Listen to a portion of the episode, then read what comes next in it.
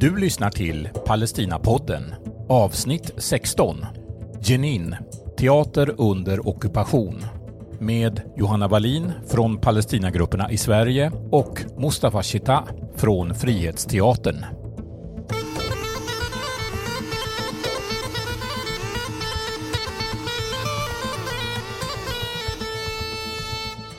Idag ska vi prata om vad som händer i Jenin på Västbanken som just nu upplever sin kanske svåraste och mest våldsamma tid sedan den andra intifadan på tidigt 2000-tal med ständiga arméinvasioner och många dödade och skadade.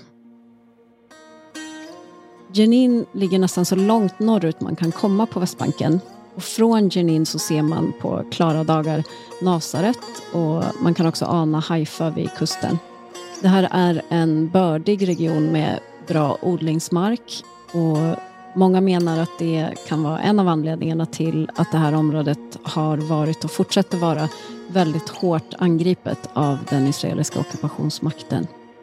Jenins flyktingläger ligger strax utanför Jenins stad och det här lägret etablerades 1953.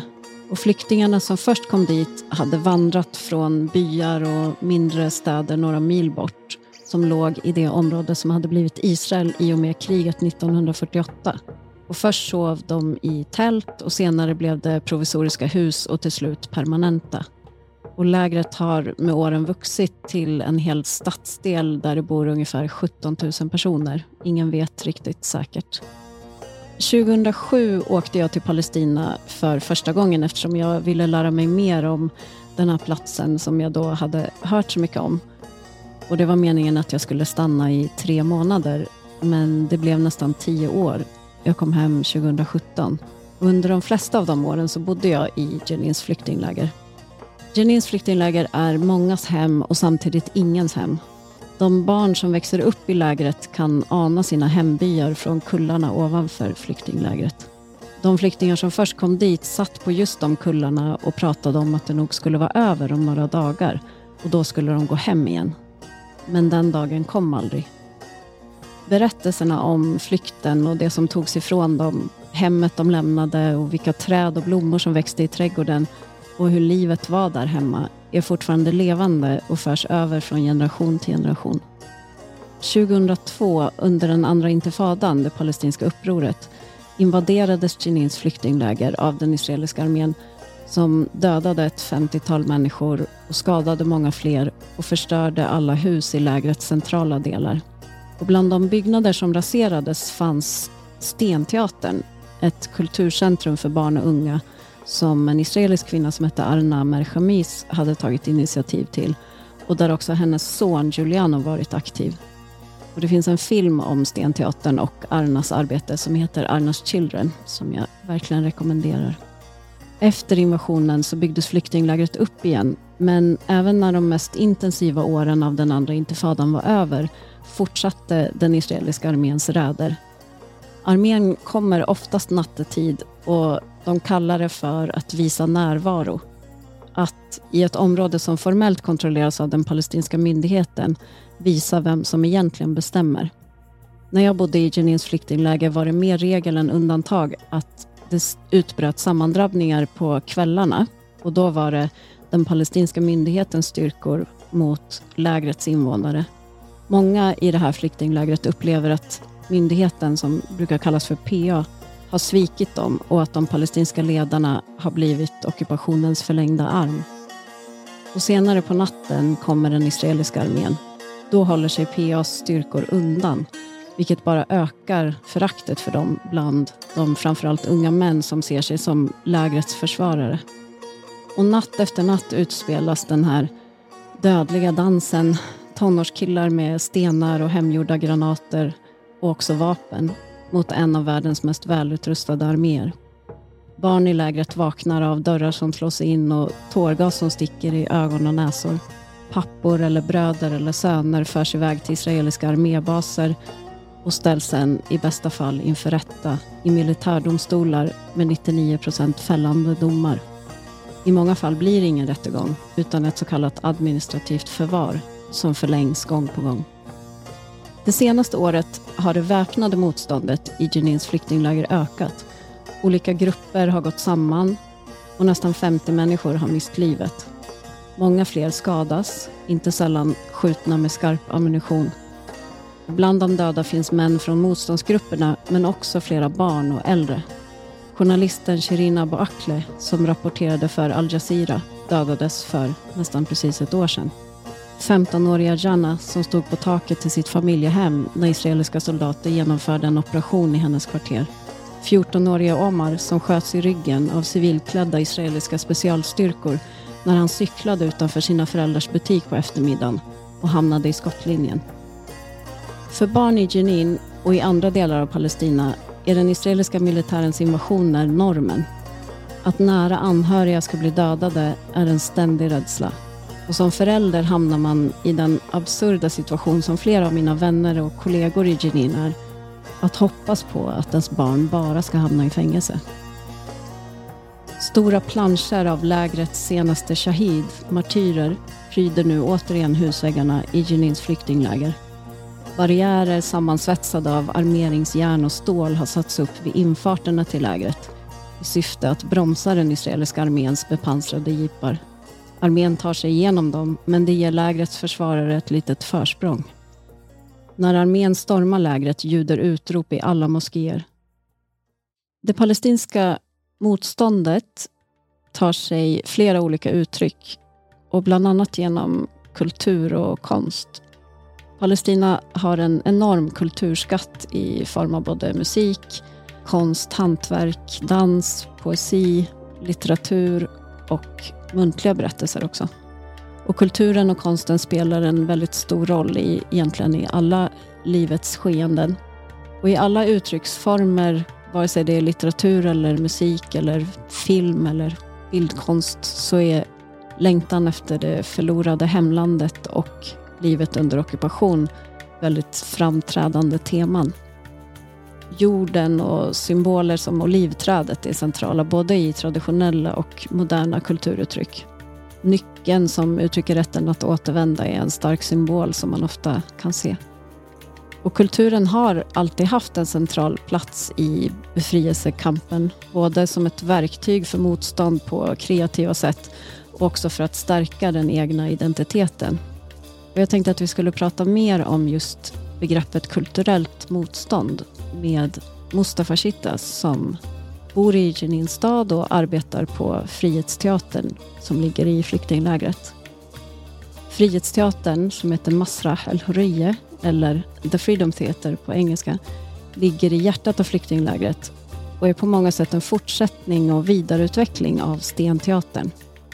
Giuliano Merchamis var en av de som grundade Frihetsteatern som sedan starten 2006 har växt från en provisorisk teaterhall med inhyrda plaststolar till det största kulturcentret i norra delen av det palestinska området. Frihetsteatern erbjuder workshops i teater, foto och film, producerar egna scenkonstföreställningar för både barn och vuxna och driver en professionell skådespelarutbildning. Teatern har fått mycket uppmärksamhet världen över och turnerar också internationellt, bland annat i Sverige vid några tillfällen. Och det finns en svensk vänförening. Hi Mustafa. Hi. Hi, how are you? Okay. It's very nice to see you after a long time. Yeah, sure. It's a long, long time. In Yes. fact, yeah. Very long time. What is uh, the situation in Jenin today? In fact, the situation in Jenin, it's like you know, we can say like quite before the big storm. Mhm. In this morning, they killed two people uh, in in Kabati. It's close to Jenin Wow. because they maybe they Israel consider them like terrorists and they prepare themselves for uh, military action against Israel. But the situation in general, it's like really the war the war zone. I mean, all the time we are ready for invasion, for attack, and Israel make a big propaganda against Jenin. In fact, for example, just for two days, they said the Palestinian fighters already they prepared themselves to uh, attack Israel by rockets from Jenin. And you know it's like a big war. From where? And uh, we are worried you know because already we have children we have brothers we have friends and that means we need we want to lose a lot of people uh, and more and more people that's what we worry about it in this in this moment in fact It's not like Gaza, but it's near to be like Gaza. Now we we know that Israel considers Jenin it's like the capital of terrorist action in the West Bank, and they attacked us all the time. And they don't ask themselves why Jenin. And for me, I like to say why Jenin. Mhm. Why Jenin? Because after 20 years, after the big invasion happened, they don't fix anything. I mean, what's happened in Jenin in April 2002, the result it continue until this moment. Those young people and the new generation already they grow up or born in that year in 2002. They grow up with this idea, with this concept about the fight, about the you know about the occupation, about their lose. Until this moment, a lot of Palestinians prisoners from t- more than 20 years they are still in the jail because already they are part of this battle between the Palestinian fighters and Israel in big invasion happened in 2002. Yes. I believe no one house in Jenin refugee camp they don't have a story with the occupation. Above of all, they are refugees because already they are. That means they take off from their houses. But I mean now in this day, Can you just backtrack a little bit and tell us about this year? Because as we can read in our news, which is not a lot, but at least some of what's happening in Jenin also reaches the international media.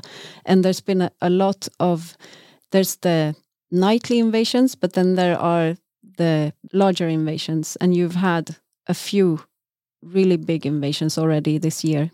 yeah, that's happened from maybe more than now one hand, one year and a half. But if we talk about what's happened in this year, especially in 26th of January, uh, when the Israel attacked Jenin in the morning to arrested maybe some people, but they have like a decision, Johanna, just to kill the people. I mean, we lose in that day 10 persons. Mm. I mean, they like or they are focused to send this message, to send the message for all the people. If you want to be in this kind of action, you will kill any person. He just move like this old woman. She tried just to draw, withdraw the fighter. The, the person he already he killed in in front of her eyes. Mhm. She just try, try to withdraw him. They kill her. But it's not just message for Jenin because after this week, after that week in February, they killed another 10 persons in Nablus. I mean, it's like killing machine. If from 2023, where we expect maybe with the new government, with the uh, something will happen around us in the world, maybe something it changed. You mean the, the new Israeli government? Yeah. Mm. But unfortunately, it's more and more and more killing and uh, fascist action against the Palestinian in uh, in our area. And usually, they came to Jenin to invade, to, to attack Jenin in the morning, in the early morning. I mean, we talk about uh, sometime in 4 a.m., 5 a.m., 3 a.m. But now, no, they can. Suddenly, you find them in, in the front of you anytime. You must expect Israel army. They will come to attack or to arrest it, to kill, to to damage, to to make something against us. You're always on edge, always expecting Yes. the next invasion. I mean, at the same time, uh, for the international community and for any person, he need to ask why that's happened here. Mhm. That I mean, the people they just said Israel did that because they protect their security, but they don't focus for the names already they killed for the ages. When you lose the be- a a young person, he's just 14 or 15, or he's just 20. You'd need to ask what's happened, why that's happened, how we reach for this uh, to this point. No one asked this question. Mm. I mean, the action against the human being here it's really important too i mean it's not just about political issue it's not just about uh, interest it's about ourselves Yeah. about our exit here And I also don't think that people realize that Jenin is Area A. It's supposed to be controlled by the Palestinian Authority. It's not that people from Jenin are entering Israel and then the army are responding to that. They are invading the refugee camp and now also Jenin city. yes i don't know about the palestinian authority itself you know because i think israel it's it's right to just to put this authority like a puppet. Mhm. anytime they can use it anytime they can stop to use it. So for example when they attacked or when they came to G- area a that means they don't respect or they don't recognize this agreement between uh, i mean oslo agreement. They don't care about this divide all of the west bank under israel occupation and direct occupation control us they can be in the middle of the city to make a curfew they can uh, stopped us anytime, anyway. You are one among one of the people in the Freedom Theater who have been uh, arrested and imprisoned by Israel, and currently the chairperson of the Freedom Theater is is in Israeli prison as well, Bilal. Yes, yeah. I Israel when they try to stop uh, the people already the activists, they they all the time find the justification related with the security action. Mm-hmm. For example, when they arrested Bilal, they said Bilal already have activities. Okay, sure, any person have activities. They said no, no activities with the illegal uh, union. What's kind with this illegal union? No one know. Now they don't allow for me to travel and I don't know why. I all my action, everything related with in my life, it's related with theater and with the with the performing art. It's like peaceful action, you know. Mm-hmm.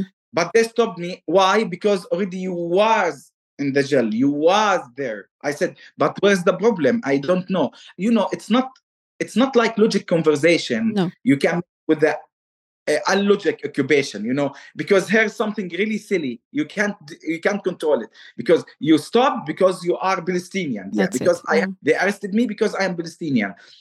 I believe beside all of that because i believe in all kind of resistance i believe we have the full right to fight and to uh, to get our liberation.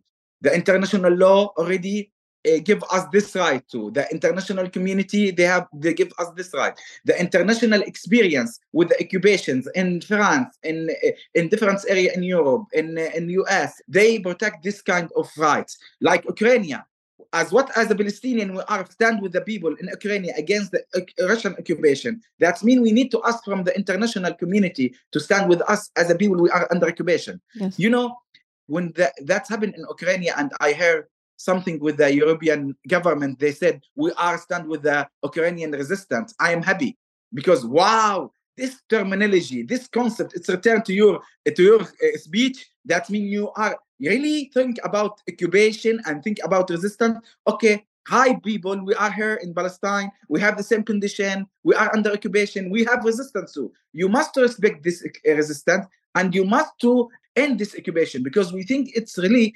international responsibility to end this occupation in Palestine. Speaking of resistance, the term cultural resistance is central to the Freedom Theatre's work. Uh, could you explain to us a bit about what that concept means to you? If we talk about that by I mean, academic way, it's something related with the conflict transformation. We talk about how we can transfer the the different tools in this kind of resistance to be like creative, diplomatic, use theater and the performing arts in general to expression and to talk about your issue and your uh, your case. In our work, we are from the first day of the Freedom Theater. We consider we are under different occupations.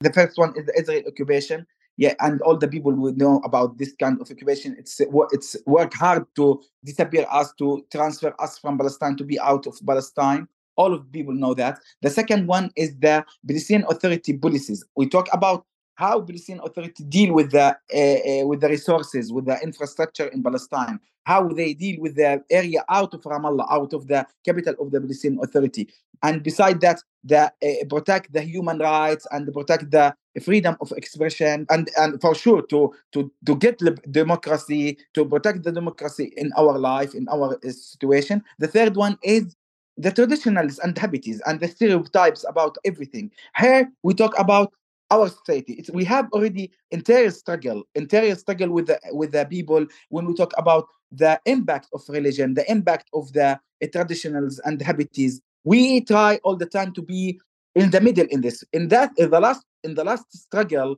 uh, or uh, between quotations like occupation we consider like social occupation we try all the time to make like a network and contact with our people because we know that's our people that's our audience we are grow up here with those people it's like the snowball we start from the small uh, uh, point to reach for something really big. I mean, we think it's really important for theater to give this benefits for our people. The our people they are under this long occupation. And this occupation try all the time to make our mind ugly to think about ourselves by you know we are not good people. No one consider us like really important in the in the world. Eh, eh, we don't trust in our identity sometimes we don't trust in our struggle. After all of these years we don't have we can't achieve our goals to get liberation or to be like independent to be like a human as a normal people in the world. So uh, we try to work with our people to inform them how you are important, how we can be, and we are part of the international struggle. We are part of the struggle against oppressions in the world. We are like a people from Nicaragua. We are like a people from uh, Chile. We are like a people from uh, Asia. We have the same uh, issues. It's like common issues against the oppressions, against the capitalism, sometime against the U.S. Uh, actions in the world. All of these issues help the people to to what we can say to to feel good i mean to feel yeah we are part of the world. We are not just alone. We are we have friends around the world. They are think about us. All of that issue it's part of our action. But when we talk about struggle and interior struggle and social struggle it's really come from what the people think about theater sometimes what the people think about the stereotype about theater and about the people already working arts it's they are out of the box. They are against the habits they are against the religion they are against uh, the social standards and we told the people it's not true all the time yeah we have a critical voice but that's not mean we against you so it's something kind of complicated relationship but we work hard with our people and we believe we can make a change through this action with our people. Mm-hmm.